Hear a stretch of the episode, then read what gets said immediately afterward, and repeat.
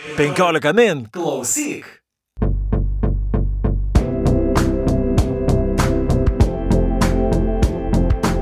Sveiki, gyvi 15 min skaitytojai ir klausytojai ir su jumis sveikinasi tinklaladė perskaitimai ir kaip visuomet mes esame joje, aš Audrius Ožalas. Ir aš Juratė Čerškutė. Ir šiandien pas mus svečiuojasi Aurelija Bivainytė, vertėja, kuri išvertė neseniai į lietuvių kalbą tikrai puikią knygą, tai e, Tove Ditlevsen knyga Kopenhagos trilogija. Labadiena. Labadiena.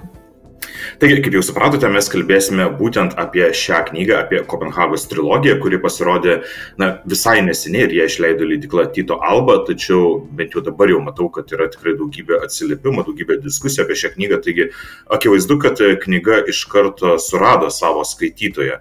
Na ir beje, aš vien, skaičiau vieną interviu prieš kurį laiką su jumis ir jūs buvote įstikinusi, sakėte, kad na, buvo tikra, kad šita knyga visgi suras savo skaitytoją. Tai e, ar pasitvirtino tą nuojautą, kad iš tikrųjų Lietuvoje jį atgarsų sulauks? E, tikrai taip. Kiek e, teko pamatyti recenzijų, dar gal ne, ne tiek daug e, spėjau paskaityti, bet manau, kad tikrai rado ir tai iš tikrųjų gal ir atliepia tą tendenciją, nes, žodžiu, ji pačioj Danijoje tokį kaip ir atgimimą patyrė gal apie 2015 metus, 2017, žodžiu, ten buvo švenčiamas jos šimto metų jubiliejus.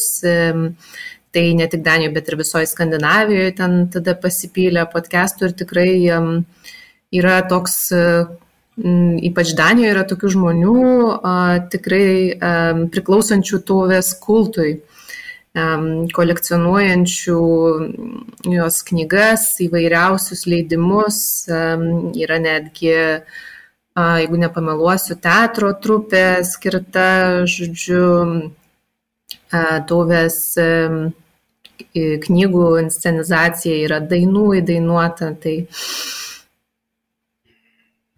Ir tada iš karto aš noriu, Aurelija, e, jūsų klausti, nes e, tikrai čia buvo turbūt iš tų tokių laukiamiausių e, vertimų e, šiais metais šitą knygą, matant, e, kaip jinai populiari yra ir anglakalbėme pasaulyje, ir turbūt tą populiarumą iššaukė 2019 metais į anglų kalbą išverstas tas trečiasis romanas. Čia reikia pasakyti, kad ta Kopenhagos trilogija tai yra viena knyga, e, publikuojami trys e, Tovės Ditlepsen romanai vaikystė, jaunystė ir priklausomybė.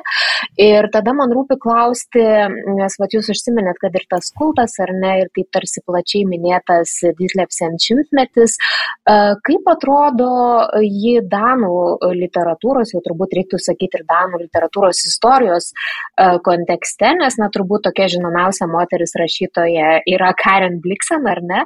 Ir tas tuvės, to, Tovės Ditlevsen kontekstas, kokia jos, nežinau, įtaka ir reikšmė. Taip, tai skirtingai turbūt nei Karen Bliksen, Tuvės Ditlevsen apskritai istorija ir jos karjeros istorija yra tokia nevienalytė. Aišku, ir Karen Bliksen turėjo savų, savų iššūkių ir jos gyvenimas taip pat buvo um, toks uh, audringas ir, ir, ir, ir įvairus, tačiau um, e, to veditlepsen, taip tariant, niekada nebuvo kažkokia nepopuliari. Tuomet, kai jį rašė, ji buvo populiari, uh, bet galbūt ne tuose sluoksniuose, ne tuose ratuose. Tais tuo metu uh, ta galbūt kaip dabar tas, ta riba tarp aukštosios ir populiariosios kultūros yra tokia be, besitrinanti. Um, tuo metu ji buvo, um, na, tokia skandalinga rašytoja, taip pat labai populiari, bet um, tuo metu jau um, buvo tų modernistinių, žodžiu, uh, į Daniją tai, tai atkeliavo šiek tiek vėliau, tas modernizmas tai buvo tų modernistinių rašytojų, žodžiu, tai jinai nebuvo taip vertinama, žodžiu, toje aukštojoje, kaip sakant, kultūroje. Ir netgi esu skaičius tokių juokingų mm, e, pasakojimų, kai ypač dešimtam dešimtmetį buvo tokia šiek tiek pamiršta ir net nuvertinama vienoje tinklalaidėje literatūrologija viena danų ar apžvalgininkė pasakojo, kaip, žodžiu, prasivedė um, universitete būdama vaikina namo ir jis pamatė prie jos lovos gulinčią būtent gift knygą ir nu, pasakė maždaug, nu, aš jau žinau, kas čia tu tokia. kad, na, ir nieko iš jų santykių, žodžiu, neišsivystė. Na, bet, žodžiu, kad jinai buvo tokia tam tikrų laikotarpių galbūt nuvertinama ir, ir po to uh, turbūt susijęs su to, bet apie 2015 metus, kai minėjau, atsirado toks truputėlį susilyginimas tų, tos aukštosios ir populiariosios kultūros. Gal, galbūt dėl to, taip minėta, taip ir universitetuose pradėta labiau um, tyrinėti uh, galbūt po, populiaresnę kultūrą kaip fenomeną, galbūt tai su tuo susiję. Nežinau, turbūt. O kas tais 2015 nutiko? Vat jūs jau kelis kartus paminėjote, ar buvo tiesiog nauji jos leidimai kūrinių? Ar... E, taip, pradėjo eiti nauji, e, nauji leidimai, jinai, kadangi daug šiaip buvo visko prirašiusi, tai dar buvo kitų įtakingų, žodžiu, literatūros srityje žmonių, kurie dar pastumėjo, žodžiu, tą susidomėjimą. Viena iš jų yra Danų rašytoja Olga Raun. Ir būtent tais 2015 metais ji išleido Toves Ditlevsen tokią kaip pamirštų tekstų rinkinį kur, žodžiu, visokie laiškai, E, ten gal vėliau paminėsim, e, to Viditlėsen buvo, e, žodžiu, tokio šeimos žurnalo skaitytojų skilties redaktorė, atsakinėjo, žodžiu, skaitytojų laiškus, tai ten ir tų atsakymų, žodžiu, visko pridėta, na, žodžiu, Olga Raun, būdama tokia ryški pakankamai ir dabar vis ryškėjanti danų literatūros padangį rašytoja, jie maždaug pasakė, e, klausykit, to Viditlėsen iš tikrųjų yra jėga, Ir čia yra jos tekstai ir dabar visi jos skaitykit. Tai aš manau, kad tai buvo vienas iš tų tokių pagrindinių gal postumių taip pat ją iš naujo atrasti. E, beje, iš karto mes pradėjome šitą įrašą, net ir ne, ne, ne, nepasakymą apskritai apie šią knygą, galbūt kažkiek plačiau, nepristatėme, kad knyga iš tikrųjų išleista 1967-71 e, metais, tiesiog ji dabar tiesiog atgyja naujam gyvenimui. E, ir mano klausimas būtų toks, na, lietuvių skaitytojai su šios autorios kūrybos susipažįsta būtent iš šitos trilogijos, tačiau, na, Ditlevsen parašęs tikrai daugybę knygų ir apie 30 kūrinių yra išleista.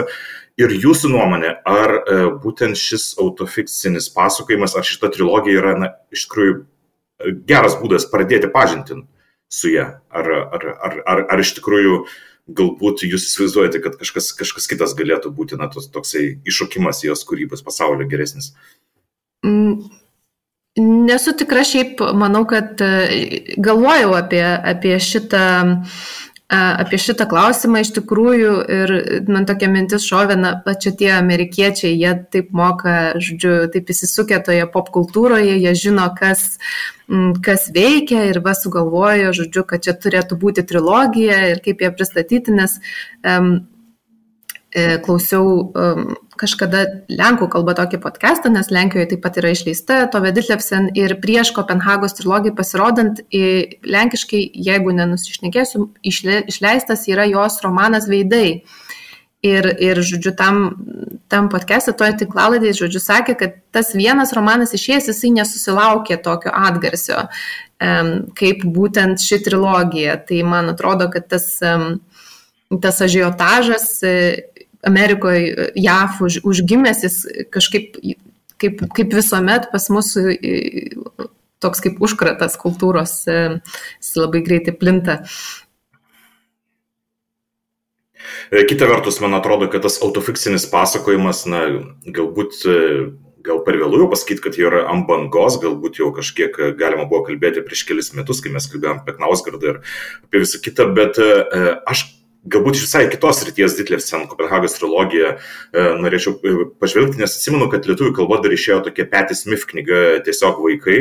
E, tai irgi jo buvo jos e, pasakojimas apie jos gyvenimą ir atsimenu, kad irgi buvo e, tas efektas, kai žmonių, daugybė buvo žmonių, kurie tiesiog net, net neklausė Patty Smith prieš, e, prieš skaitydami šią knygą ir po to staiga tapo jos fanais, pradėjo irgi rinkti jos įrašus, pradėjo domėtis, ką jį padarė anksčiau. Tai man atrodo, kad Ditlevsen atveju šitą Kopenhagos trilogiją irgi gali būti, e, pasukurti panašų efektą, nes iš tikrųjų skaitydamas šią knygą, tai tiesiog pajunti ne tik tai autorės, na, tą pasakojimo magiją ir, ir tai, kaip jis puikiai sugeba rašyti, bet ir kartu, na, pažįsti tą asmenybę, kuri irgi pradeda, na, tiesiog sudomina tave domėtis toliau ne tik tai jos gyvenimu, bet ir jos kūryba. Tai man atrodo, kad Kopenhagos trilogija iš tikrųjų gali būti tuos tasaitas, nuvedantis giliau į jos e, kūrybinės. Mm, tikrai taip sutinku ir na, čia taip gudriai dar padaryta, ar ne, nes um, visgi reikėjo parinkti būtent šiuos kūrinius, nes tarkim ir tie patys veidai, e, Ensiktina e, daniškai, jie taip pat kalba apie tam tikrą laikotarpį, kuris kaip ir persidengia Kopenhagos trilogijoje prašome laikotarpį. Tiesiog ten tas žvilgsnis yra vien jos gulėjimo psichiatrinėje ligoninėje, tuomet yra kitų laikomas geriausių tauvės kūrinių Vilhelms Velse arba Vilhelmo kambarys, tai ten e, jau jos etapas po, e, tai yra santoka su, su Viktoru Andresenu.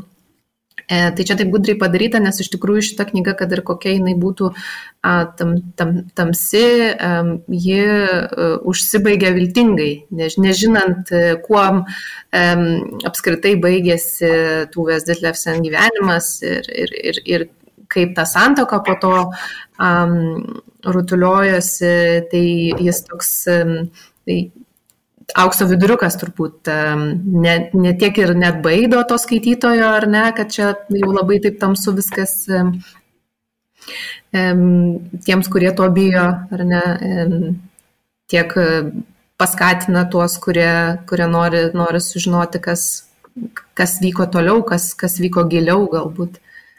Ir beje, jūs užsiminėte apie viltį ir toks labai įdomus dalykas, vėlgi, pirmasis sakinys knygoje yra toksai rytas buvo vilties metas, Ir pabaiga irgi apie tą prabundantį tolimą ilgesį, kuris niekada nemirs. Ir taip atrodo, kad knyga tarsi tarp šių dviejų vilčių.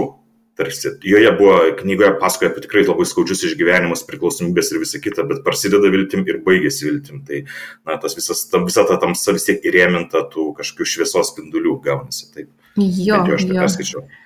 E, tikrai taip ir pati, pati Tove yra sakiusi, kad, na, kad ir tas kaip čia yra tas prancūziškas pavadinimas, romaną e, e, Akle, e, ar ne, kur kaip ir su tikra istorija rašomas romanas, kad net ir toks romanas yra fikcija. Tai, tai vis tiek kad ir kiek daug būtų tų autobiografinių motyvų, vis tiek reikia, reikia nepamiršti, kad, kad čia yra fikcija ir jos fikcija, jos vienas iš veidų. E, aš tai audriau drįščiau tau truputį paprieštarauti, kad gal uh, autofikcija tarsi per vėlai iššoka, bet man atrodo, kad lietuviškai tas sutapimas toks yra labai uh, geras, nes šitas Ditlevsen romanas arba trys romanai išėjo rugsėjo pradžioj ir spalio pradžioj mes visi išgirdom tą žinią, kad uh, prancūzų rašytoja Nierno išskirtinai rašanti tik tai autofikciją ir tarkim esmiškai uh, pakeitusi autofikcijos žanrą 20-ame amžiuje ir apdovanota Nobelio literatūros premiją, tai va šitas vėl grįžimas į moterų gyvenimo ir to moterų rašymo, nors turbūt čia feministė sakytų, kad tas Ellen Siksų 75 metų terminas sekretur feminin jau turbūt e, dabar išėjęs iš mados, e, bet iš tikrųjų, Aurelė, aš noriu jūsų klausti, dabar tai jau ta mūsų autofikcija, vat, ką ir Audrius minėjo, ar ne, po Karlo Uvės Knausgoro jau mūsų niekaip nebestebina. E, bet iš tikrųjų romanas buvo, kaip ir minėjom, publikuotas 70-mečio pabaigoje, 8 pradžioje, ar ne pavieniui tos knygos. Ir autorė 76 metais, būdama 58 nusižudė. Ir kaip tuo metu, gal jūs irgi domėjotės ir girdėjot reakcijos į autofikciją tais laikais, kada tos knygos buvo publikuotos, koks buvo perskaitimas tuo metis? Mm. Tai jo, kaip ir minėjau, galbūt pradžioje, kad jinai nebuvo, e, ji buvo pripažinta, nu, ta prasme, kad buvo žymi rašytoja. Um, nors e, būdama gyva, kiek skaičiau, um, ji kartu ir buvo šiek tiek gėdinama dėl to, kad, e, na, va, rašo tokiomis moteriškomis temomis apie, apie vaikus, apie santoką, netgi apie abortą, tokią, tokią dar, manau, ir tuo metu dar labiau tabu tema.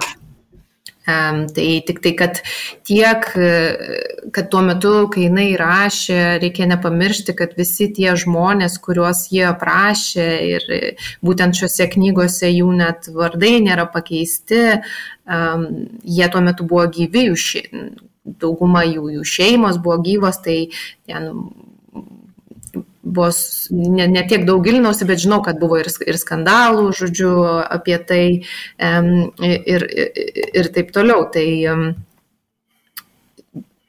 nors tai jai nesutrukdė, e, žodžiu, būti įtrauktai, tarkim, mokyklos programuose visi, visi skaito tų Veditlevsen, o po to kažkaip ją atranda vėliau e, iš naujo, nu dabar, tarkim, tie žmonės, ta moteris, kurios 30-40 metų, joms jos visos mokykloje skaitė to Veditlevsen. Um, tačiau ją taip atrado, taip kultiškai atrado tik tai, tik tai dabar ar, ar prieš, prieš keletą metų. Ir nežinau, čia gal, gal apie tai, kad buvo tokia mintis įdomi, kad kiekvienam, žodžiu, gyvenimo etapui gali susirasti savo, savo to veditlefsen, kiekvienam gyvenimo etapui kažkas, kažkas tinkančio iš, iš, jos, iš jos gyvenimo, na, iki, iki tam tikro laipsnio, tam, tikros, tam tikrų metų. Aš esu girdėjus irgi e, atsiliepimų ir net gal truputį buvo baugu skaityti šitą knygą ir, ir paskaičius e, straipsnių ir New Yorkeryje, kur sakoma, kad neplyta po plytos iš skausmo, žodžiu, kurie iš tą pasakoma, aš tikrai kažkaip e, gal išmokinta tos tokios jau šiuolaikinės skandinavų nuar literatūros, kažkaip tikėjausi kažko baisaus ir tikrai tokio E, tokio baisumo neradau, e, bet gal tada pakalbėkime apie tas pačias knygas, nes man atrodo, kad e, vaikystė tas pirmasis romanas arba pirmoji knygos dalis atrodo kaip toks labai paveikus tekstas, kuriame, na, iš tikrųjų kaip yra išklotinė visko, ką mes matysim toliau šitam tekste, ar ne, tai yra tas santykis su šeima, konkrečiai su mama, kur tikrai tas mamos ir dukters santykis e, yra išrašytas ir jis vis dar daro įspūdį, skaitant ir dabar, kai tikrai jau nebetrūksta tų šeimos traumų išklotinių ir tų išrašymų literatūroje, Ditlevsen ta poetika vis dar daro įspūdį ir noriu aš klausti apie apie vertimo gal tokius subtilumus, nes vaikystės daly yra labai daug tokių kabinančių metaforinių palyginimų, kad vaikystė yra kaip karstas, iš kurio mes tarsi negalim išlipti ir, ir visi kiti, kas, kas buvo sunkiausia uh, verčiant ir kaip pavyko perteikti tą Ditlevsen poetiką. Gaila, kad aš neskaitau daniškai ir, ir negaliu palyginti, bet visiškai pasitikiu jūsų sakiniu. Mm, Jo, net labai sunku kažkaip dabar atsakyti e, iš to, kas buvo sunkiausia. Man galbūt e, visuomet verčiant e, sunkiausia yra kultūriniai kažkokie aspektai, o šitoj knygoje konkrečiai buvo sunkiausia poezija, nes aš nesu poetė ir apskritai mažai ar poeziją skaitau labai kažkaip koncentruotai ir, ir siaurai. Tai pačios kalbos prozinė ta poetika, tai man ne, ne, nebuvo kažkoks labai didelis iššūkis, kaip, kaip tik ta vaikystės knyga, na, tie vaizdiniai aprašomi ten, jie padeda labai didelį pagrindą apskritai e, visai, nes jie po to atsikartoja, žodžiu, tam, tam, tam tikros vietos, ar ne, santykis su, su tėvu, santykis ne tik su motina, bet ir su, su tėvu, e, tam tikri įvykiai jos gyvenime, tarkim, jeigu dabar nesuklysiu, tai vaikystės knygoje, žodžiu, buvo jos kaip ruošiasi į konfirmacijai ir, žodžiu, ėjo pirkti batelių su mama ir, žodžiu, mama pasakė, e, ar pasi, pasakė pardavėjai, lik, na, vat, kad čia, čia yra paskutinis dalykas, kurį, kurį tau perkame ir, ir jau nuo, nuo, nuo, nuo to laiko, nuo, nuo, nuo dabar jau nebereiks, e, žodžiu, mums savo nieko pirkti, na, kad jau ta finansinė dabar jau tu pati užsidirbsi, žodžiu, būsi savarankiška ir nebereiks mums čia tavęs išlaikyti. Ir, ir šitas e, iš tikrųjų toks labai, kas, kas įdomu, vat, ta, tas dvilypumas toje knygoje, ar ne, kad tokie skausmingi, skausmingi dalykai, tokie, nežinau, tas sielvartas, jisai taip perteiktas paprastai, paprastai, nepaprastai, žodžiu, nėra tos tokios, kaip kartais skaitai kitas, na, nebūtinai autofikcija, bet ir fikcija ir jauti tą emocinę manipulaciją, kurią nori, nenori, kažkaip rašytojas perteikia, kad tau pradeda trykšti ašaros, žodžiu, bet kažkaip žinai, kad čia yra, na, kaip čia pasakyti, čia yra tyčia, ar ne, jie nori, kad tu verktum, ar ne, bet būtent tovės knygoje to nėra, tai aš tikiuosi, kad ir, ir lietuvių kalboje tai mm, jį, jį paliečia, jis smarkiai paliečia ir sukrečia, bet, bet tikrai ne taip, kaip, nežinau, ar čia dabar toks keistas palyginimas šovė galvą. Ne, ne, taip, kaip visus sukrėtė mažas gyvenimas, na pavyzdžiui, ar ne, kur ten visi raudojo, ten skaitydami ir, ir, ir panašiai. Tai toks jausmas iš tikrųjų ir ne vienoje recenzijoje yra pastebėta, kad jį tarsi e, pati stebi save iš šono. Ir e, toks e, kalba ne tai, kad, na, aišku, objektyviai apie save negali kalbėti, vis tiek yra subjektyvusis kalbėjimas, bet jis pakankamai, man atrodo, sąžiningas ir, na, išvalytas nuo tokio sentimentalumo, galima būtų pasakyti taip. Jo, kas yra paradoksalu, ar ne, nes jinai šiaip ją visuomet kaltindavo, ar ne, na, bet čia turbūt labiau galvojant apie, jo, apie jos poeziją, e, buvo laikotarpis, kai, kai ji buvo nurašoma, ypač apie tą dešimtam dešimtmetį, kad ji labai sentimentali, žodžiu, kad ten labai daug patoso, to, kad ji rimavo, žodžiu, kurdama eilėraščius, kas jau tuo metu buvo nebemadinga, ar ne, kai, kai ji tą darė. E, o, o štai dabar e, visiškai atvirkščiai yra. Aš manau, kad čia labai gelbsti tai, kad nėra šitame e, visame pasakojime tiesioginės kalbos. E, nes jeigu būtų tiesioginė kalba, tai kažkaip turbūt e, vėl įsiveltų kiti, kiti dalykai ir tas vat yra turbūt įdomiausia man, kaip pirmose dalyse jinai pasakodama apie tą savo gyvenimą, apie kurį paskui gyvendama jau su vyrais, jinai prisimena, kad jie, kai kurie iš jų nesuprato, ką reiškia gyventi skurde, ne? Ir va tas toks skurdo ir gyvenimo grubumo išrašymas, bet kitas man yra labai įdomus dalykas, nes labai susisieja aišku su mūsų gyvenamais laikais, nes romano pradžioje yra pirmo pasaulinio karo pabaiga yra ispaniškas gripas, tai mes ar ne pergyvenom COVID pandemiją, Rusijos karas prieš Ukrainą ir atrodo, kad tie tekstai perskirti šimtmečio visiškai nepasenę, bet aš skaitydama pačioje pabaigoje savo brūkštelėjau tokią pastabą su šauktuku, koks vis dėlto nedidelis yra karo kontūras. Ir nu, aš suprantu, kad tu vedi, to, to Veditlevse ne, nesiekė parodyti to karo, bet iš tikrųjų iš tos knygos jos e, ir pirmo pasaulinio karo pokaris ir aišku antrasis pasaulinis karas tikrai yra įsimintinas epizodas apie kaimynę sergančią už Adolfą Hitlerį ir trumpai parodomas tas Hitlerio ateimas į valdžią, e, tai net nelabai suformuluoju klausimą, bet tiesiog įdomu, gal, gal irgi skaitėt ir girdėjot, kaip tas karo kontekstas, ar nebuvo priekaištų, kad jinai, tarkim, per mažai rodo karą. Tai va čia susiję turbūt su, su jos, su apskritai tuo metu buvusiais priekaištais tam, apie ką jį rašo. Nes kažkas jos ir paklausė, na,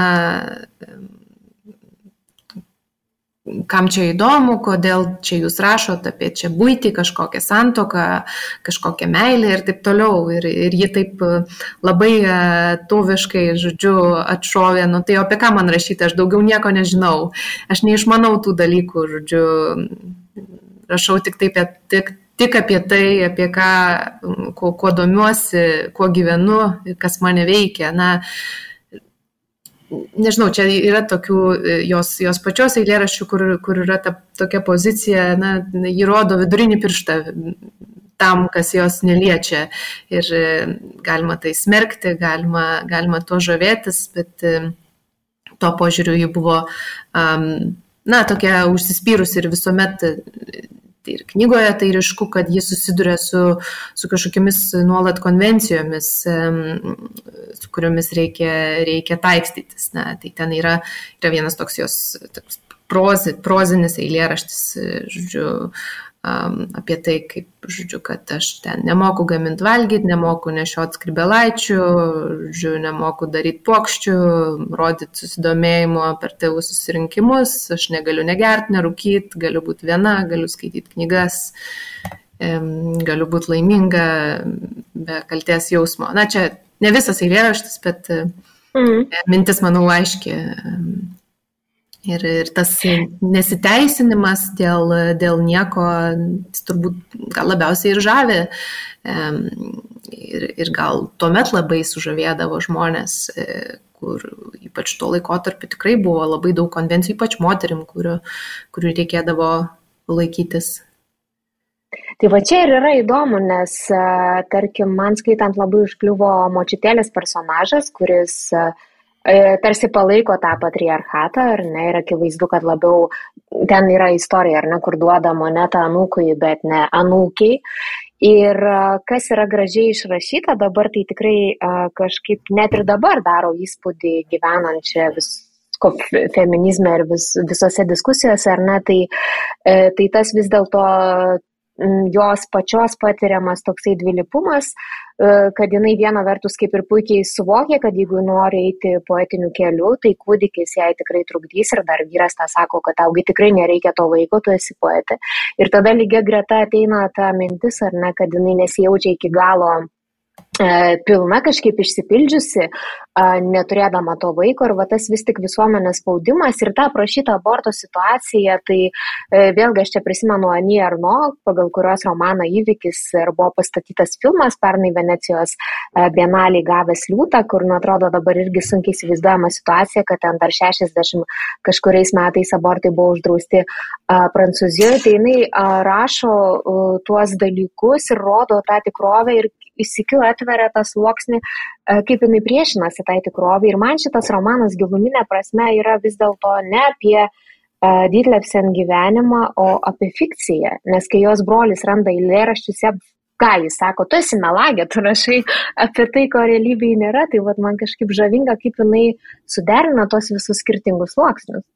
Taip, taip, tai to dvilypumo ar daugelypumo netgi apskritai apstu ir vat, dėl to galbūt būtų, būtų smagu, aišku, angliškai yra išėjusi jos ta knyga Faces, e, e, bet gal tikiuosi, kad nors galėtų ir lietuviškai pasirodyti apie, apie, apie tai, apie, apie veidus kaip kaukės, apie žodžiu žmonių tą, nes paradoksų buvo kupinas jos gyvenimas ir, ir to daugelį pumo um, apskritai ir, ir knygoje tas ryšku, nežinau, ar čia, tarkim, galima taip interpretuoti, kad tai galbūt atėjo iš tėvo, nes ar ne, jisai toks aršus socialdemokratas, bet štai, um, kad mergaitė, moteris galėtų būti rašytoja, poetė, jis nepripažįsta, ar ne? Tai ir pati Tove Ditlevsen, ji, man atrodo, taip trauk, traukė per dantį tą raudonųjų kojinių tą judėjimą. Žodžiu, ji nebuvo feministė tokia, jeigu paskaityti ten tuos patarimus, kuriuos ji dalindavo savo skaitytojams ir skaitytojoms. Tame šeimos žurnale, kurio, kurios kiltės redaktorė buvo, e, tai jie taip pat nebuvo labai apie išsilaisvinimą kažkokį, ar ne, kur yra vienas toks žymus pavyzdys, kur moteris rašo, žodžiu, kad yra nelaiminga santokoje, o, o jie atrašė maždaug tokius stiliumi, kad kentiek, sėdėk čia viskas, nėra čia ko skirtis, žodžiu, būk savo vietoj. E, na, Skamba tai, kaip mama iš romano. Taip, taip, taip. Tai nežinau, vis, vis tiek pagrindinis e, tas dalykas yra ta tokia vara rašyti, ar ne, visą apimanti ir, ir man atrodo, kad ji dėl to ir sako, kad čia yra skilimas jos, ar ne, tarp, tarp santokos, tarp, tarp, tarp priklausomybės, tarp, tarp, tarp rašymo, bet tas rašymas jis smelkėsi visur, ta fikcija, visus jos kažkaip gyvenimo sluoksnius. Bet kita vertus, tas rašymas, ta kūryba, atrodo kaip išsilaisvinimo kažkoks siekimas, ar ne? Nes, tarkim, jinai ir irgi knygoje rašoma, rašo apie save, kad jinai supranta, kad jeigu jai nepavyks visgi prasimušti į tą poezijos, į tą kūrybos pasaulį, ji nugyvens tą gyvenimą tokį, kokį jai buvo ir numačiusi mama. Jie, ji nuspranta, kad tai yra vartai, pro kuriuos jinai privalo išeiti, nes kūryba yra ne tik tai jos polikis, ne tik jos saviriška, bet na, ir vartai kažkokį kitokį pasaulį. Taip, Taip, visiškai taip, na čia tokio gal e, apskritai e, tokio tikro, tikrojo, tikrojo rašymo polėkio e, pavyzdys, ar ne, kai e, rašytojų nėra šeimoje, e, literatūros labai mažai šeimoje, na, na ir kas, kad e, tėtis norėjo būti rašytojų, bet e, tėtis labai tolimas, e, jis nedrįsta ten prisiliesti prie, prie, prie savo dukters. E, ką jau kalbėti apie kažkokį švelnumą ar, ar, ar šilumą, tai um, tas, tas, tas tikrasis toks drivas, tai nežinau, jis yra labai žavingas ir, ir, ir stiprus. Beje, aš norėjau dar paklausti apie stilistiką pasakojimų, nes na, dabar mes turime knygą, kuri, kurioje visos trys dalys sudėtos yra vienoje knygoje ir na, tiesiog mes skaitome nuo pradžios iki pabaigos kaip tokį vientisą kūrinį, tačiau e, iš tikrųjų iš pradžių pasirodė kaip trys atskiros knygos. Ir e, ar jums verčiant labai aiškiai jaučiasi ir, tarkim, kažkokie stilistiniai pokyčiai, nes, pažiūrėjau, pirmoji dalis bent jau man tokia atrodo tokia labiausiai pripildyta metaforų, poetiškiausia, na, štai paskutinė yra tokia, na, ne tai, kad galbūt netiksliai pasakysiu, bet tokia gana netgi kartais grubiai realistiška kas yra labai yra didelis kontrastas pirmai daliai. Be abejo, pasikeitė gyvenimo aplinkybės ir pasikeitė tai, apie ką jinai rašo ir tokios problemos, su kuriamis susiduria, bet uh, toks jausmas, kad jinai panaudoja visai kitas stilistinės priemonės, ar taip ir yra? E, taip, iš dalies taip ir yra. Ir, ir trečioji a, knyga išėjo, na, tai yra didesnis, jeigu dabar neklystų, yra didesnis atstumas, nes ar ne, yra 67-71, um, bet ta, ta paskutinė, e, žodžiu, du keliai čia atsakyti, mano galva, yra e, tas metaforiškumas ir vaizdingumas pirmosios knygos e, dar galėtų būti susijęs su um, su tuo leitmotyvų įstrigimo vaikystėje, ar ne? kad ta, tas nesugebėjimas išlipti iš to karsto, ar ne, tas tos tokios ryškios metaforos, jisai, jisai tęsiasi per, per visą gyvenimą ir aišku, ten jau paskutiniai daly aprašoma ir, ir narkomanija, ir, ir, ir, ir, ir, ir tas uh, nuovargis, bet um, visi, visi, visi tam pagrindai jau padėti, padėti vaikystėje. Nežinau, tai mano čia tokia gal, galbūt teorija būtų, kad tų, tų vaizdinių daugiausia e, dėl to, kad um, vaik, vaik, nuo vaikystės viskas, žodžiu, prasidėjo, visa, visa ta poezija, visas tas naivumas, e, visos tos, visos tos viltis. E. Taip, taip, ir pirmoji dalis e, net ir baigėsi, kad, žodžiu, viskas vaikystė lieka kaip ta tokia skrinelė, iš kurios visą gyvenimą bus e, e, semiamasi. Ir man gal skaitant tų Veditlevsen, aš dar noriu grįžti prie to rašymo, nes tikrai nėra tiek daug tekstų, kur taip ryškiai postuluojama, kad nuo pat mažų tų tokių sąmoningų gyvenimo dienų žodžiai yra kaip apsauga. Apsauga yra va tokia apsauginė siena, kad tie žodžiai ateina ir jie padeda išgyventi ir tą tokį motinos įtūžį ir visus tos dalykus. Aišku, vėlgi, čia yra kitas gal pavojus, e, nežinau, turbūt tų vedytlėpsen jo išvengia, kada jau žmonės sako, kaip jie negali gyventi be rašymo, tai truputį yra tas pavojingas gravitavimas į grafomaniją, ne, kur aš ir galiu nekvepuoti, svarbu, kad tik rašyt, bet per šitą visą, visus tris romanus eina tas e, leitmotyvas, kad aš laimingiausia esu tada e, kai rašau.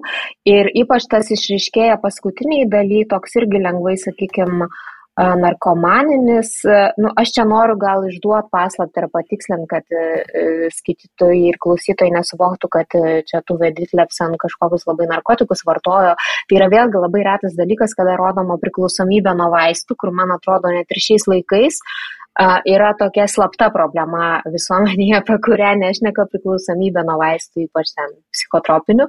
Tai ir tas rašymas irgi yra toksai, kad, na, sakykime, išgeria tų vaistų, kad geriau dirbtųsi, po to mato, kad m, taip nesiseka. Tai va tas rašymo momentas ir aš galvoju, vėlgi kažkaip čia, Aurelija, aš klausiu pačios kaip kokios literatūros istorikės, ar irgi nebuvo kažkokių priekaištų Dytlevsen, kad jin čia, ypač tais laikais, kada išėjo knygos, kad per daug daug, per daug e, visko rašė. Ir kitą klausimą iš karto segu vėlgi, nes labai daug minčių kyla klausant pačios. Ar kada kuriuo nors metu Danijoje feministės kažkaip savinosi jos kūrybą ar ne? Manau, kad e, nežinau, ar, ar, ar, ar gerai tą pirmą klausimą supratau, tai gal ten prie, prie jo ne, negaliu labai sustoti, nes nežinau, ar, ar, ar, ar gerai čia man galvoj susidėliojo, tai gal dabar tiesiog ties centru susikoncentruosiu. Mhm. Tai man atrodo, kad kaip tik dabar, galbūt ar tais 15 metais, manau, kad ne tada, nes tada ji buvo gyva ir ji, na, žodžiu, kreivai žiūrėjo į feministės pati. Uh, nenorėjo, e, nenorėjo būti toje, kaip čia pasakyti, tam stalčiukė, galbūt taip jos, kaip čia pasakyti, darbo tvarkė buvo kita. Ne feministinių idėjų skleidimas kažkoks ar ne, tačiau savo kažkaip išpildymas, savo pašaukimo kažkoks, kažkoks pildymas nežinau, ji tuo pačiu ir dėl to turbūt ji e, kažkaip atliepia dabar e, galbūt feministėms, nes ne, nepasakydama to, ji, ji, ji pasako, kad, žodžiu, kad visas mano gyvenimas yra kaip koks feministinis projektas. Ir kaip koks išsilaisvinimo projektas nežinau, yra, yra tas ar ne, kad dabar daug tų feminiščių gyvena tokį gražų gyvenimą ar ne, išsilavinusios ar ne viduriniosios klasės moteris, e, rašančios, žodžiu, e, straipsnius į intelektualius ar ne žurnalus ir taip toliau. Tai, bet e, ką noriu pasakyti, kad ji vis tiek kažkaip atliepia tuo savo pačių būvių. Tai ne, nežinau, tuo metu, e, kadangi ji nekovojo, žodžiu, už tai, tai e, feministėm ir nerūpėjo, dar dėl to, kad ten, vadin, man atrodo, yra pavadinusi jos buldogėmis ar kažkuo tokiu e, vaisiu, nu, tik, tikrai ne. O, o dabar, kai galima pamatyti jos tą visą kūrybą, visą gyvenimą tokioje perspektyvoje ir ne, tai feministės ją mato kaip, kaip tokį tikrai išsilaisvinimo simbolį, ar ne, kur man tikrai nerūpi, ką jūs galvojate, ar ne, iš vienos pusės. Na ir šiaip iš tikrųjų tos e, dvilipumo vis tiek buvo, na, kaip, kaip bevertintume, nes be abejo jinai buvo laisva asmenybė, kuri tikrai siekė tai to, ko norėjo ir iš tikrųjų pasiekė iš tikrųjų visko, ko norėjo. E, kita vertus, e, kaip mama jai visą laiką sakydavo, kad, na, moteris vieta, nu, kaip ir aišku, kas ištikėtų už vyro ir ten būti gera šeimininkė ir visa kita, ji vėlgi tą pačią karjerą darė, vėlgi remdamasi vyrais ir suprato, kad, na, su jų pagalba jinai turi tai daryti. Ir ji tarsi, na, vėlgi priėmė tas žaidimo taisyklės. Suprantama, be abejo, socialinės buvo sankloda visai kita ir, ir turbūt sunkiai ir galėjo kažkaip kitaip jinai prasiveršti tą pasaulį, bet vėl, jeigu vertintume iš dabartinių pozicijų, na, galėtume sakyti, na taip, e, nuolaidų darė ir vis tiek kažkiek pagal tą žaidimo taisyklės vis tiek žaidė, net ir savo asmeniniam gyvenime. Taip, taip, tai čia, na, gal tos, tos pačios ar ne fikcijos persismelkimas į, į, į, į jos pačios gyvenimą, bet nežinau, e, čia toks, e, kaip čia pasakyti, labai tikrumas ryškus, nežinau, kur tikrai ne. Nes vis tiek, jeigu tu deklaruoji kažkokią idėją ir labai aršiai dėl tos idėjos kovoji, nėra taip gyvenime, kad tu niekada nepaslysi, dažniausiai nebūna, ar ne, kad tu gyvendamas gyvenimą e, kažkur didelė tikimybė, kad nukrypsi. Nes būtent dėl to, kad tu tą deklaruoji, smarkiai deklaruoji ir aršiai deklaruoji. Tai čia. Ta, žod, ta žodis tikrumas, man atrodo, labai tinkantis iš tikrųjų šiai knygai. Ir beje, aš norėjau dar prie tos trečiosios dalies grįžti prie paties pavadinimo priklausomybė vertimo. Aš kiek suprantu, kad, na, vėlgi, verč, verčiamas šitas pavadinimas yra skirtingai, ar ne? Taip. Ir turi daug, kelias reikšmės bent jau. Taip, tai e, danų kalboje jo e, yra e, nuostabu ir keista, ar ne, dar mokantis danų kalbos, tai buvo labai ten juokdavausi iš, iš, iš šito kad tai yra homonimai, ar ne, e, žodis gift, e, kas yra nuodai ir būti, žodžiu, tik tiek, kad yra daiktavardis gift, o um, būdvardis, žodžiu, gift, ja, e-gift, tai aš esu susituokusi arba susituokęs. Tai, na, čia toks etimologijos jų greičiausiai skiriasi, aš iš tikrųjų dabar ne, ne, neatsimenu, vienas galbūt iš vokiečių kalbos yra kilęs, o, o, o, o nes yra nuo žodžio turbūt dovanoti ar kažkas tokio, kad atiduoti, na, kaip, žinia, moteris atiduoda, atidu, iš vienos šeimos atiduodama į kitą, ar ne, santokos būdu. Tai va, bet tai čia aišku ne, ne, ne aš sugalvojau, ar ne ta, ta priklausomybė yra jau anglų kalboje, tas, nežinau iš tikrųjų, kas, kas pirmi sugalvojo, turbūt, kad anglakalbiai, kad, kad galima išsiversti ar ne, ar paversti tą kitų, nes tai vis tiek yra apie priklausomybę. Ar ne, priklausomybę, ar tai nuo, na, šiuo atveju išvertus gift į priklausomybę atsiranda dar ir ta trečia reikšmė, kad tai ne tik tai priklausomybė nuo vyro, ne tik priklausomybė nuo um, narkotinių medžiagų, bet ir priklausomybė nuo rašymo. E, tai čia dar toks trečias atsiranda sluoksnis.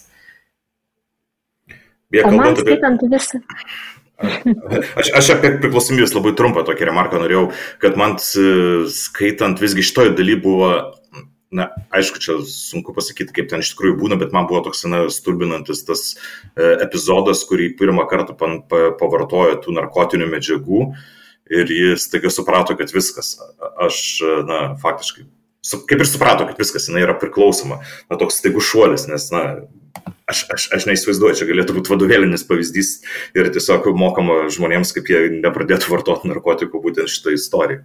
Mm. Nors jau, nors ta prasme, tokių čia e, yra gal žmogaus tipas, yra ženklai, ar ne, kad yra žmogus linkęs į priklausomybės, nesvarbu e, į kokias, ar ne, jinai labai daug ką aukoja tam, kad galėtų rašyti, ar ne, ga, galima būtų priekaištauti, jeigu tai būtų ne jos pačios parašyta knyga, o galbūt kažkieno kito parašyta parašyta knyga apie ją, tai galbūt galėtų atsirasti ir daugiau to smerkimo, kad štai kokia čia ji buvo mama, nesirūpino tai savo vaikais, žodžiu, gulėjo ten apkvaitusi kažkur su vienu kitu trečiu vyru ir, ir, ir, ir, ir taip toliau. Tai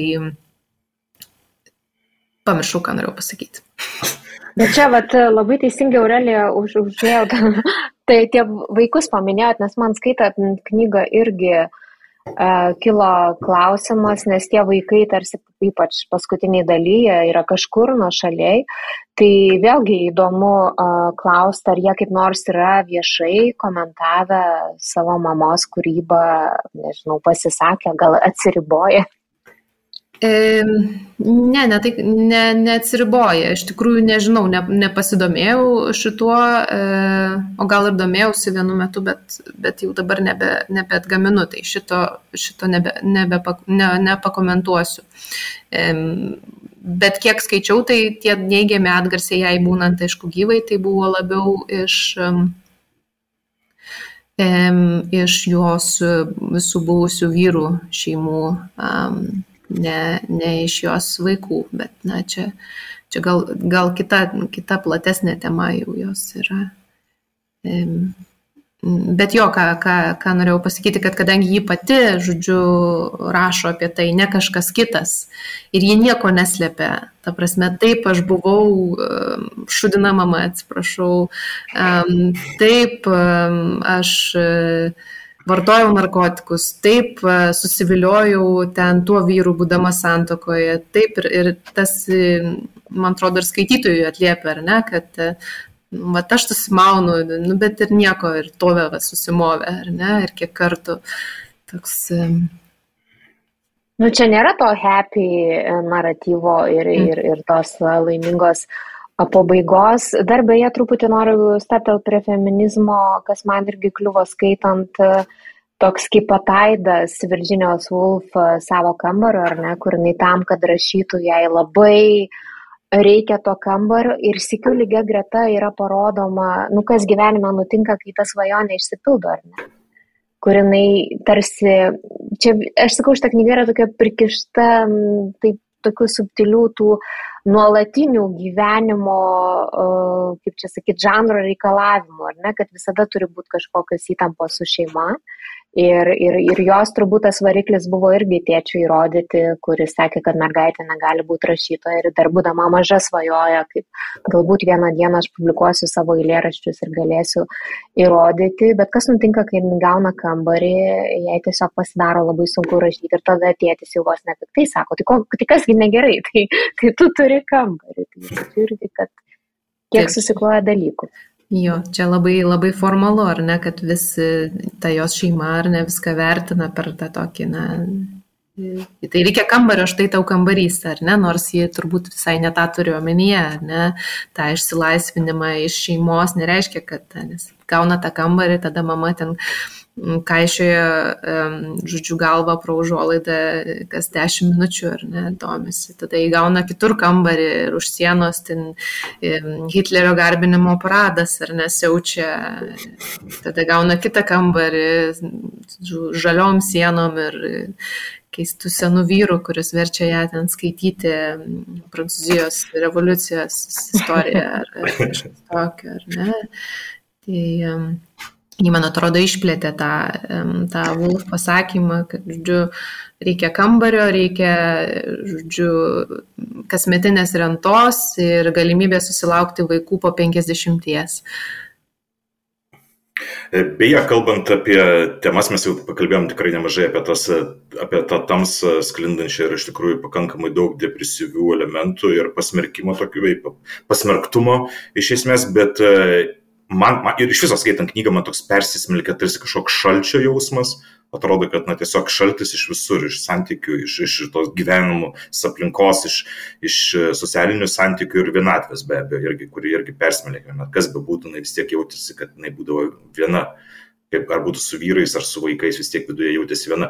Bet uh, aš norėjau kit, kad kaip dėmesį, kad vis tiek, nepaisant viso to, yra subtilus humoro jausmas. Bent jau aš šitai pajutau ir, ir nežinau, gal, gal ne visi tai pajaučia, bet man atrodo, kad na, autoriai vis tiek kažkur paslėpia tą tokią kaip ir ironiją, ir saviironiją, ir, ir tokį, tokį tikrai puikiai pagautas humoro jausmas.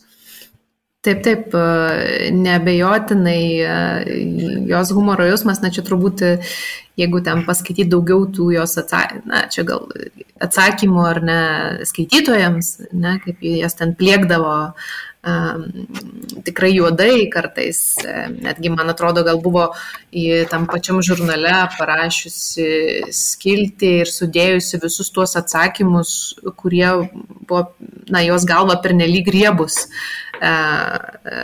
atsakyti skaitytojams, tai ten, na, iš viso buvo juodų tokių pavyzdžių bet jo humoro jausmo jį niekada nestokojo ir jis toks ypatingai subtilus ir, ir tą puikiai įrodo netgi tai, kad jį buvo parašiusi, žodžiu, savo pačiai nekrologą.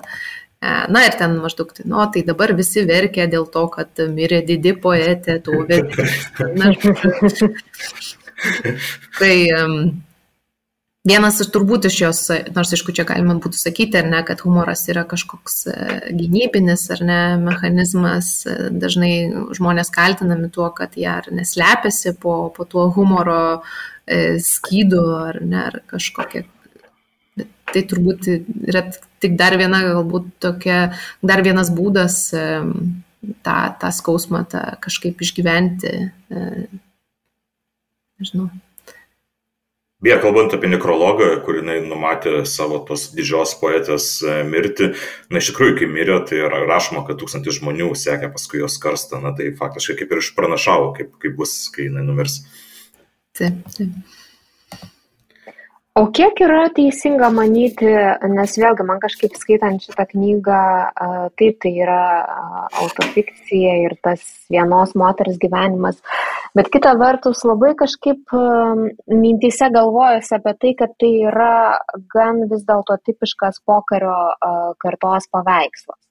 Nu, nes tikrai nemažai yra daug tų šalutinių veikėjų, kuriuos e, šiaip e, Dirlepsen gan charakteringai kūrė ir jie tokie tarsi užeina jos gyvenimą, praeina vieną kitą jos gyvenimo kambarį ir išeina, bet man atrodo, jinai vis tiek pasakodama savo gyvenimą labai uh, stipriai sugebėjo papasakoti ir turbūt savo kartos gyvenimą. E, jo, ypatingai, aišku, vaikystėje dar yra kitas jos kita jos knyga Vaikystės gatvė, kur daug e, to naratyvo persidengia, e, bet taip, kiek, e, kiek skaičiau, tai pakankamai tikslus būtent to Westerbro rajono tuo metinis paveikslas, dabar aišku, tas rajonas tikrai nebėra toks, tuo metu tai buvo labai skurdžiai gyvenančių darbininkų rajonas.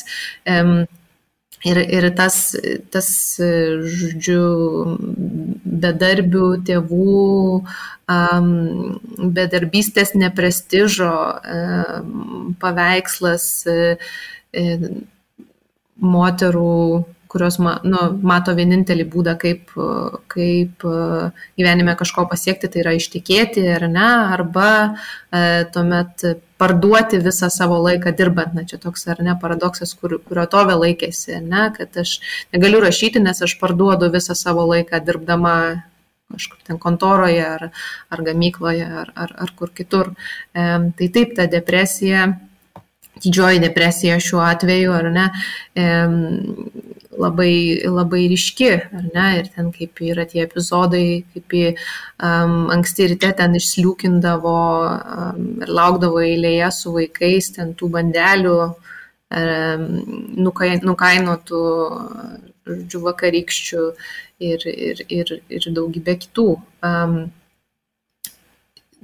Tuo tarpu vėliau jau tie epizodai tokie pavieniai ar ne, bet yra man įsiminęs vienas ryškus, kai, žodžiu, vokiečių okupacijos metu, man atrodo, ta okupacija baigėsi ir, ir žodžiu, ir visi žmonės, žodžiu, gatvės atsitraukė užuolaidas. E, tai irgi toks kaip e, labai subtiliai, žodžiu, užsimena, aišku, Danija buvo okupuota lyginant su kitom šalim e, tikrai pakankamai trumpai, e, bet tai irgi tokį, tokio žymę palikęs palikęs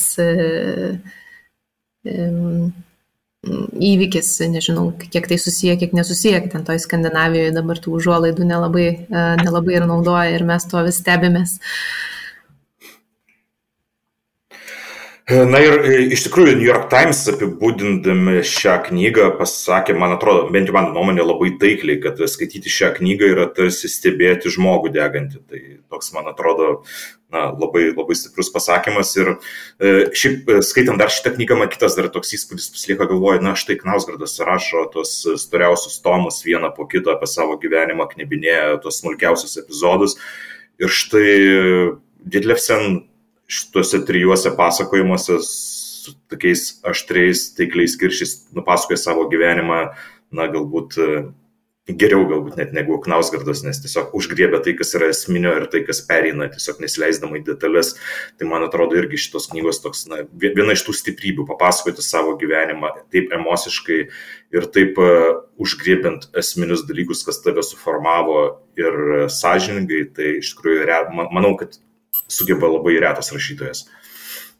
Ir papasakoti ir parodyti tą augimą, nes vis dėlto tai yra tas vadinamasis Bildungsromanas, nežinau, man kažkaip taip jau darosi jokingai tas lietuviškas auklėjamasis e, augimo, ar ne, ir, ir kas Galima yra vėlgi gražu, kad tapsmo, taip, taip, taip, ačiū, kad tas, jo tas tapsmo romanas ir vėlgi tas dvigubumas yra, ar ne, kur jinai auga kaip moteris ir kaip mergina ir lygiai greta tas toks rašytojiško kelio augimas, pirma publikacija. Ir vėlgi čia tikrai, man atrodo, nėra labai dažnai taip paprašytas tas, tas jausmas, kai tu pirmą kartą pamat, pamatai išpublikuotą savo pavardę ir kokie tau supratimai ateina. Ir, ir vėlgi čia vat, vėlgi labai gražiai užfiksuoja tą kurėjo vienišystę, kad tu negali kitam papasakot, kaip tau yra geliančiai svarbu, kad štai tu turi šitą žurnalą su savo, savo publikuotą pavardę ir tada pasirenka iš jūs tą vakarą praleisti vieną, nes žino, kad nesvarbu pas ką nueis, galbūt brolis ten pasijuoks iš jos ar ką. Tai va šita ta tokia tapsmo linija irgi labai dvilypė, bet įsimintina. Taip, taip. Na jo, ir čia aišku, nepamirštant, kad tų knygų jos yra daugiau ir, ir, ir tai visgi tas tapsmas yra sudėtas kitų žmonių taik, taikliai užčiuoptas ir taikliai sudėtas į, į, į tris knygas, nes e, jau, jau tos tų knygų yra, kur, kur jos labiau introspektyvios. Tai tie patys veidai, kuriuos čia vis, vis miniu, tai tikrai ten mažiau to tokio naratyvo, kur tikrai gali um, taip ugningai ar ne, ar šalia tos ugnies sėdėdamas taip greitai pakankamai peržvelgti visą, visą tą ar dalį to gyvenimo, tikrai ne visą, nes po to tas gyvenimas, po tos antikos dar, dar tęsiasi visai um, E, audringai, e, bet jų tuo, to, tų jos introspektyvių knygų taip, taip pat yra. Tai jau kaip ir Audrius minėjo, kad yra virš 30 išleista ir, ir, ir visokių ten dar ištraukta nepublikuotų ir ten laiškų ir taip toliau. Tai, mm. Bet jo, tai turbūt puikiai sutinku, kad tai galbūt jai pavyko ir geriau nei Knausgardai, nes, na, bet čia skonio turbūt reikalas, ar ne? Tai ką toliau, aš jau suprantu, aš net jau užsirašiau ant lapelio ir pabandyti paieškoti faces angliškai paskaityti, bet um, iš tikrųjų turbūt uh, norėtųsi šitą išversti lietuvių kalbą, ne? E, jo, norėtųsi, toliau yra toks kaip testinė linija Vilhelmo kambarys, kur jau apie jo santoką su Viktoru Andrėjusinu, kur čia jau teks nuvilti, ne, nesibaigė taip, taip gerai ir, ir viltingai, ar ne, kaip, kaip norėjo e, e, priklausomybės e, romano pasakotoje, ne, ten galiausiai, žodžiu, ji ten gavo svarb, svarbę, žodžiu, svarbės pareigas ar ministerijoje kažkur, žodžiu, romane veidai yra, žodžiu, tokia, tokia vieta, kur ji dalyvavo kažkokiam prieimime, žiūris ją po to sukritikavo, kad ji ten nesusitvarkė nagų ar kažkas tokio, kad ten atrodė nereprezentatyviai. Jis po to turėjo labai daug meilužių tas Andresinas ir galiausiai jį išsikraustė iš, iš jų namų ir irgi tokia jai labai būdingų tokių juodų humoro jausmų pasakydama, kad, žodžiu, ten per daug tų meilužių buvo tam name, tai man reikėjo išsikraustyti, žodžiu, kur nors ramiai kad galėčiau rašyti. Daiva. Mm. Aurelija, aš noriu klausti, nes jūs ir interviu, kur čia minėjom, ne per seniausiai davėt Lietuvos lydėjų asociacijai, jau užsimanat, kad, e, nežinau, ar verčiat, ar jau išvertėt Olgos Rand, kuri būtent tarsi naujai prikėlė Ditlefsen kūrybą. Ar tarp jų dviejų čia mes tokį gal padarykim šuolį į, į, į ateitį, ar ne, ir ta knyga vis tiek e, turbūt kitą metą išeis lietuviškai Olgos Rand. Mhm. Tai ar yra kažkokių, nu galima ją laikyti Ditlefsen kūrybos tiesėje kažkokiu kampu? Galbūt poezijoje, bet na, nežinau. Gal... Šiaip turbūt stilistiškai gal ne. Labai sunku pasakyti. Iš tikrųjų, Olga Raun, jos tos knygos, kurias esu skaičiusi, jos labai skirtingos. Aš manau, kad tas Ditlevsen tapsmas ir Ditlevsen asmenybė ir Ditlevsen kūryba ją nebejotinai įkvėpė, e, įkvėpė būti nepriklausoma, turbūt daryti tai, ką ji nori, kaip ji nori. E, bet jie Olga Raun yra pakankamai tarpdiscipliniška, kaip, kaip rašytoja, miksuoja poeziją ir prozą. Um, Tai tų tokių formalių paralelių nežinau, ar, ar taip daug bus ypač, jeigu skaitysit, kai pasirodys e, kitais metais e, darbuotojai, kas yra iš vis e, formaliai mokslinės fantastikos tipo kažkoks kūrinys.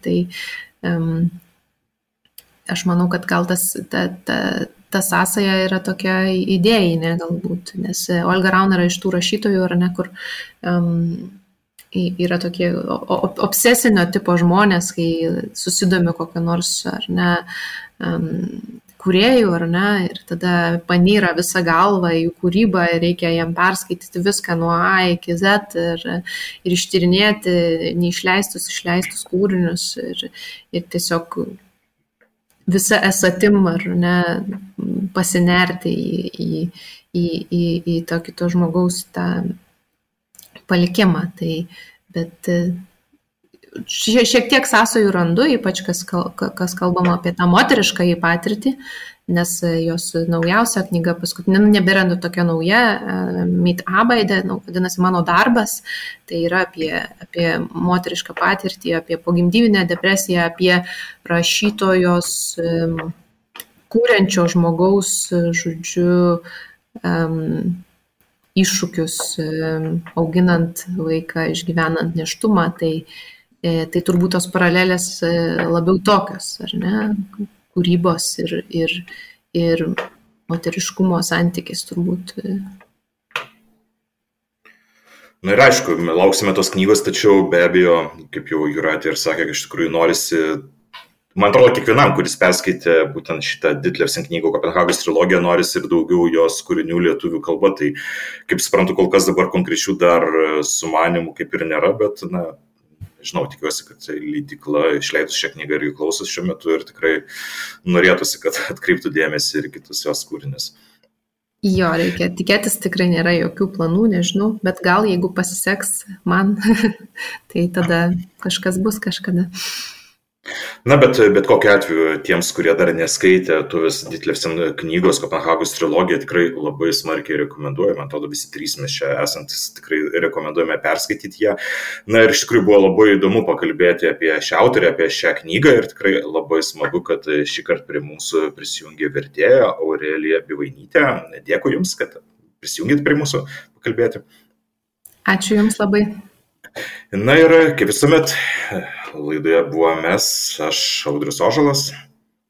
Ir aš Juratė Čerškutė ir ko gero reikia palinkėti tikrai atrasti ir perskaityti šitą knygą. Nežinau, Audriau, kaip tavo e, skaitinių sąrašuose, bet tikrai to Vesdyklės ant Kopenhagos trilogija mano tas rudens topų, topų viršūniai tikrai viena buvo laukiamiausių rudens naujo šito knygų sezono knygų.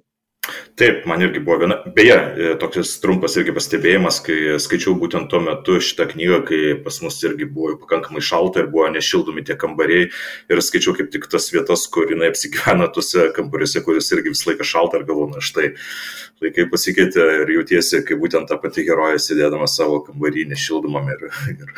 Tai yra tik vienas kambarys, vonia prie gyvatuko, kur galėsi taisyti.